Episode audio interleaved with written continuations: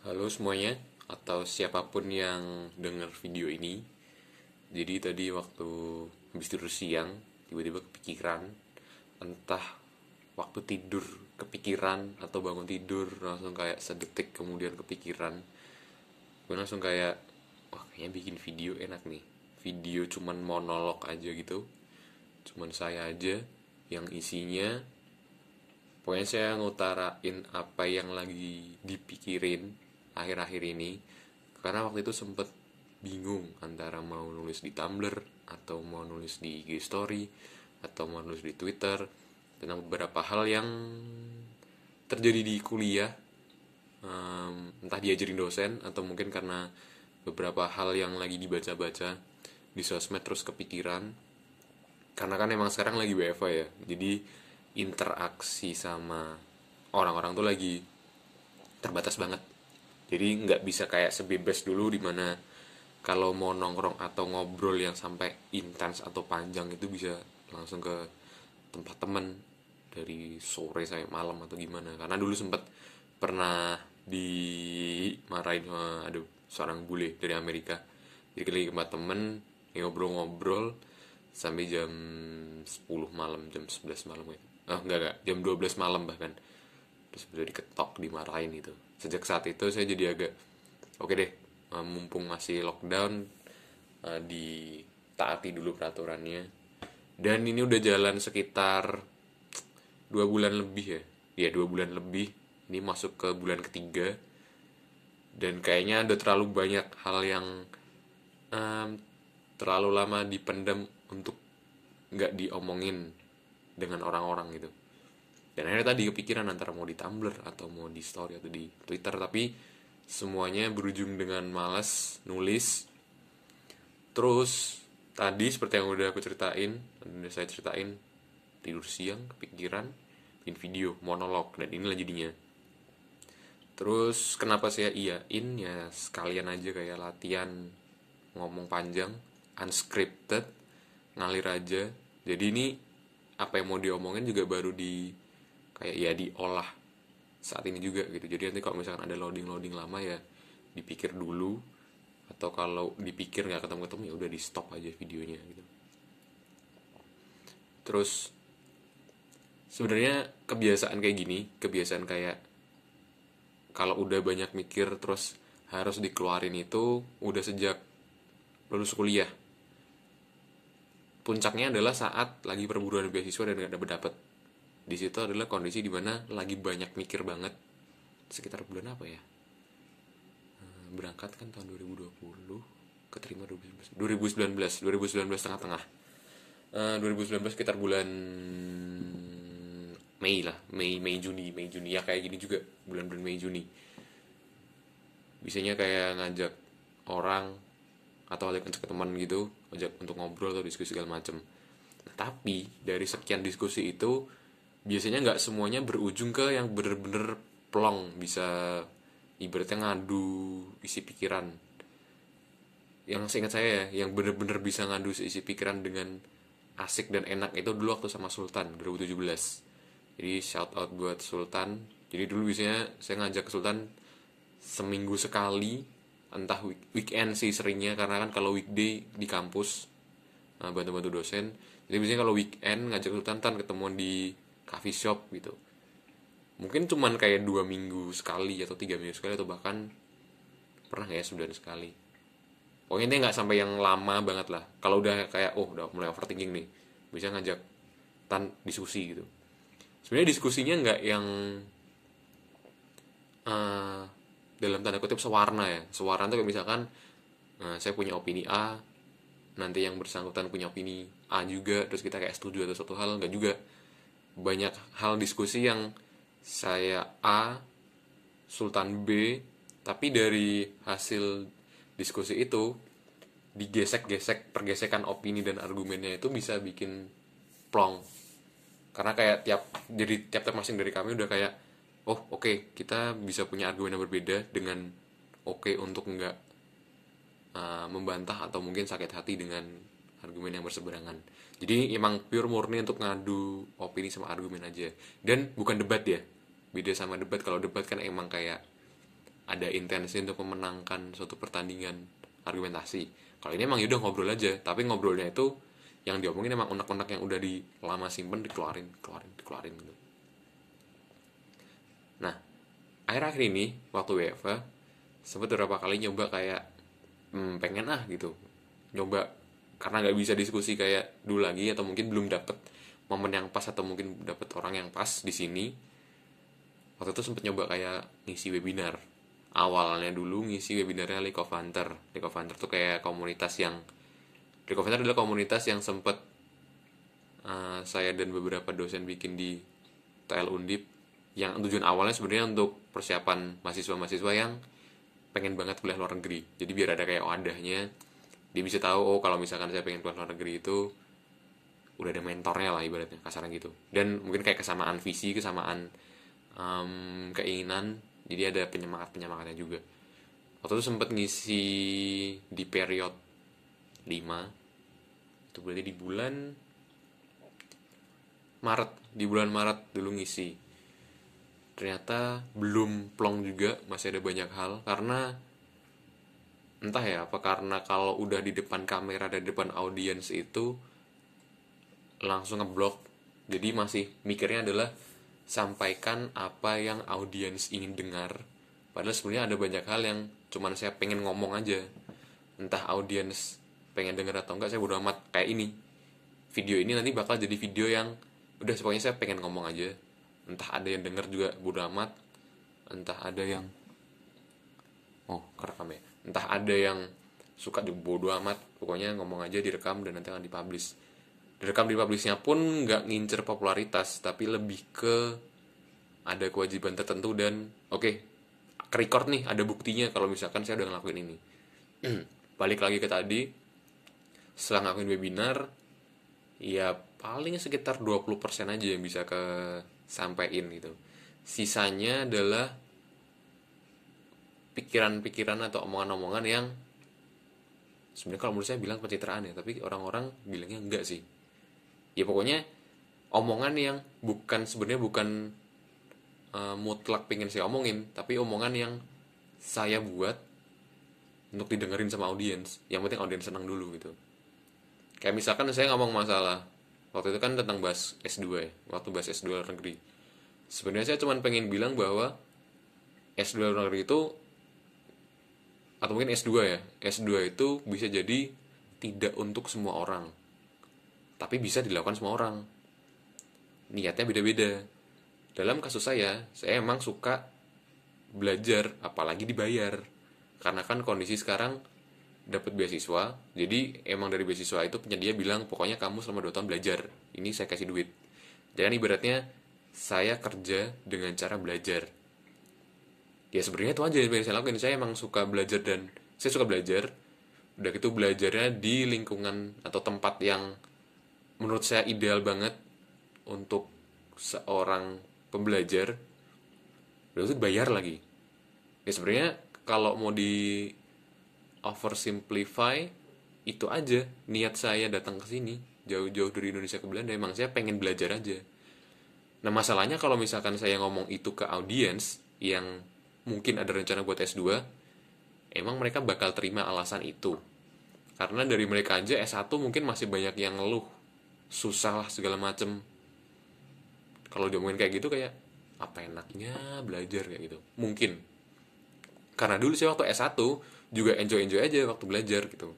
Terlepas dari susah atau gimana nya enak aja untuk tiba-tiba atau mungkin selama proses itu tahu hal-hal yang nggak kita tahu sebelumnya dan kayak dari hal yang nggak kita tahu itu kemudian jadi tahu itu kan ada sensasinya ya Nah, kemudian setelah kita tahu, kita ngasih tahu orang yang belum tahu, itu juga ada sensasinya lagi.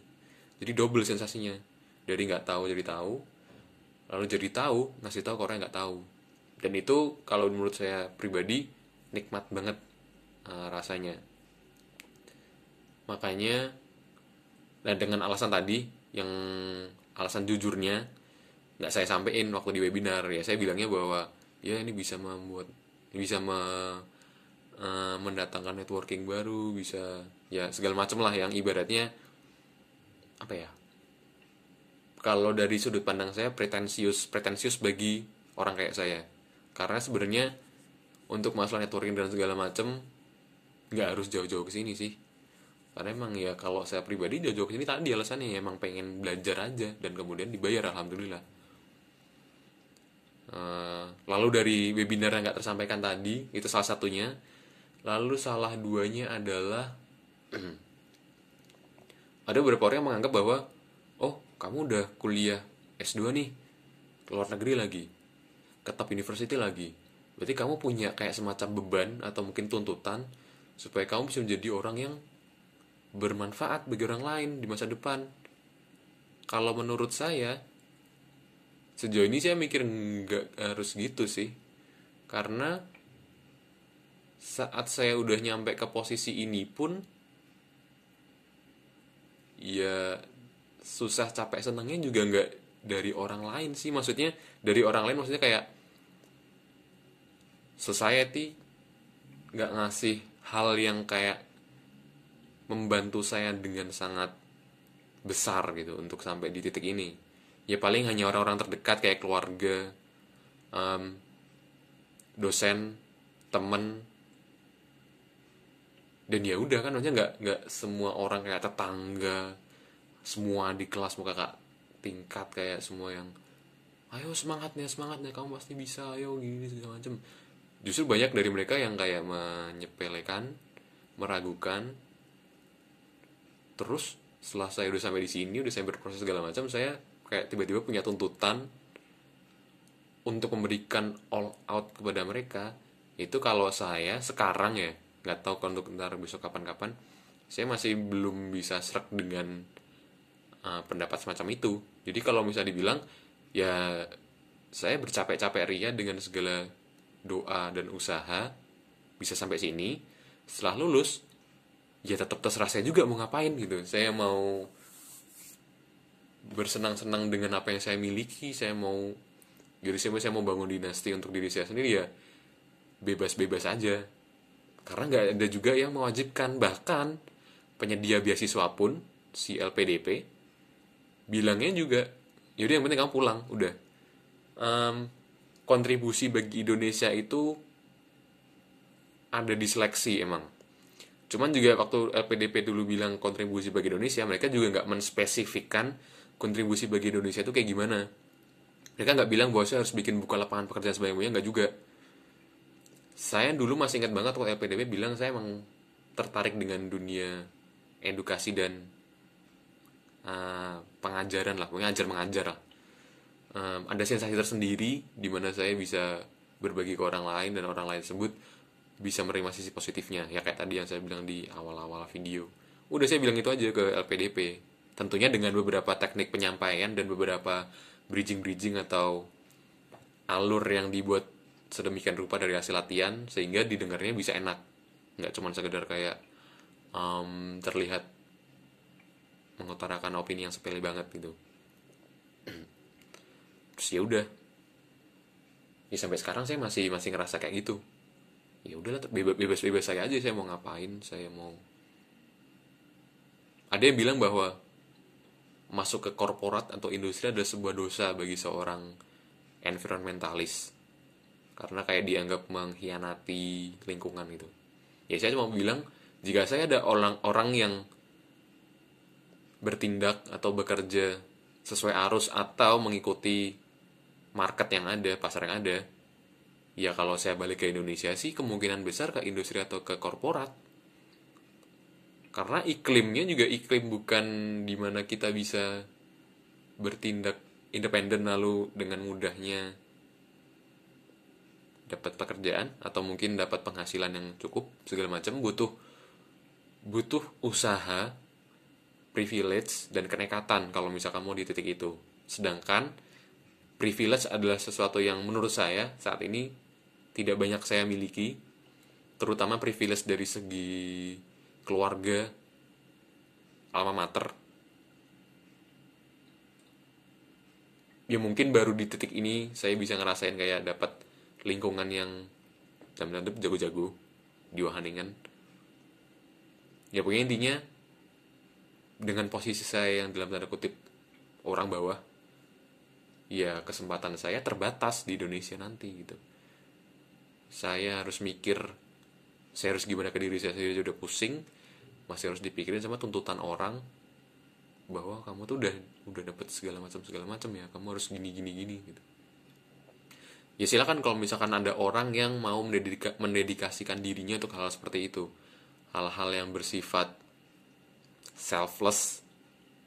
Jadi dia pure oke okay, saya nggak apa digaji bukan mas nominal sih sebenarnya.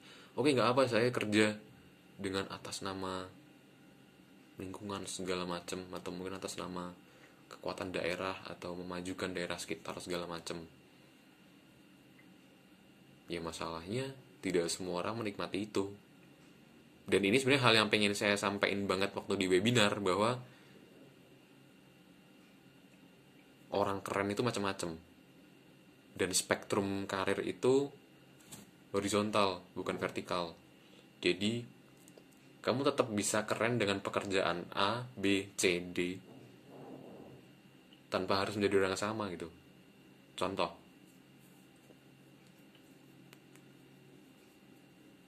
Ada orang yang dengan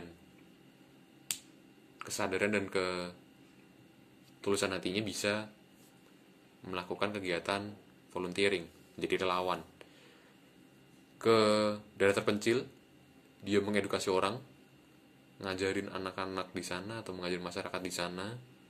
Kemudian dia bikin cerita atau mungkin dia kedokumentasikan kegiatannya di sana. Dia bikin cerita dia taruh di sosial medianya dia bikin buku dia bikin film. Apakah itu keren? Keren banget. Tapi apakah orang kalau mau dalam tanda kutip jadi keren atau memiliki nilai positif bagi masyarakat sekitar dia harus melakukan hal yang sama? Menurut saya sih enggak ya dia begitu karena ada beberapa hal yang membuatnya layak menjadi seperti itu. Coba bayangin kalau misalkan semua orang memilih untuk menjadi jalan memilih jalan seperti itu. Di mana dia mungkin tidak punya kapabilitas untuk ngajar di mana dia tidak dia mungkin tidak punya kapabilitas untuk berinteraksi dengan warga yang 180 derajat berbeda dengan lingkungan yang dia miliki. Terus dia terpaksa gitu atas nama dia yang jadi keren gitu bayangin betapa bahayanya orang-orang kayak gini. Pergi ke suatu wilayah yang terpencil yang bisa dibilang rentan rentan dari segi pendidikan rentan dari segi kesehatan didatangin orang yang mungkin tidak dia bisa dibilang hebat lah. Dia punya dia punya bekal dia punya tekad tapi niatnya salah karena dia cuma pingin popularitas dianggap keren atau memenuhi sekedar memenuhi tuntutan lingkungan sekitar. Nah saya nggak mau jadi kayak gitu. Ya saya mau mendefine greatness dengan cara saya sendiri gitu. Sesimpel saya ngajarin orang dengan hal yang saya miliki itu udah puas banget. Mungkin ngajar satu kelas isinya 30 orang tentang hal yang tidak mereka ketahui dari hal-hal yang saya dapatkan selama studi, entah S1, entah S2, entah waktu kerja, entah sehari-hari. Bagi saya itu juga udah sangat menyenangkan dan bagi saya itu udah keren. Keren bagi saya sendiri. Saya nggak perlu cap keren dari orang lain sebenarnya. Karena balik lagi tergantung orang masing-masing gitu. terus ya makanya hingga saat ini saya masih hmm, saya sebenarnya tipikal orang yang defensif ya. Jadi kalau misalkan ada tadi yang hal nggak saya suka kayak misalkan dituntut segala macem saya bukannya mencoba berdialog kayak gini di video ini tapi saya cenderung kayak diem dan kayak menghindar gitu. Saya nggak tahu apakah suatu saat nanti saya harus speak up atau harus tetap defensif seperti biasanya. Mari kita tunggu. Cuman yang jelas intinya ya bagi siapa pun yang nonton video ini paling nggak bisa tahu bisa dengar dari apa yang saya omongin. Terus oh ya saya tadi belum belum bilang ya. Saya belum berkenalan. Ya mungkin itu tadi yang untuk masalah tuntutan dan segala macam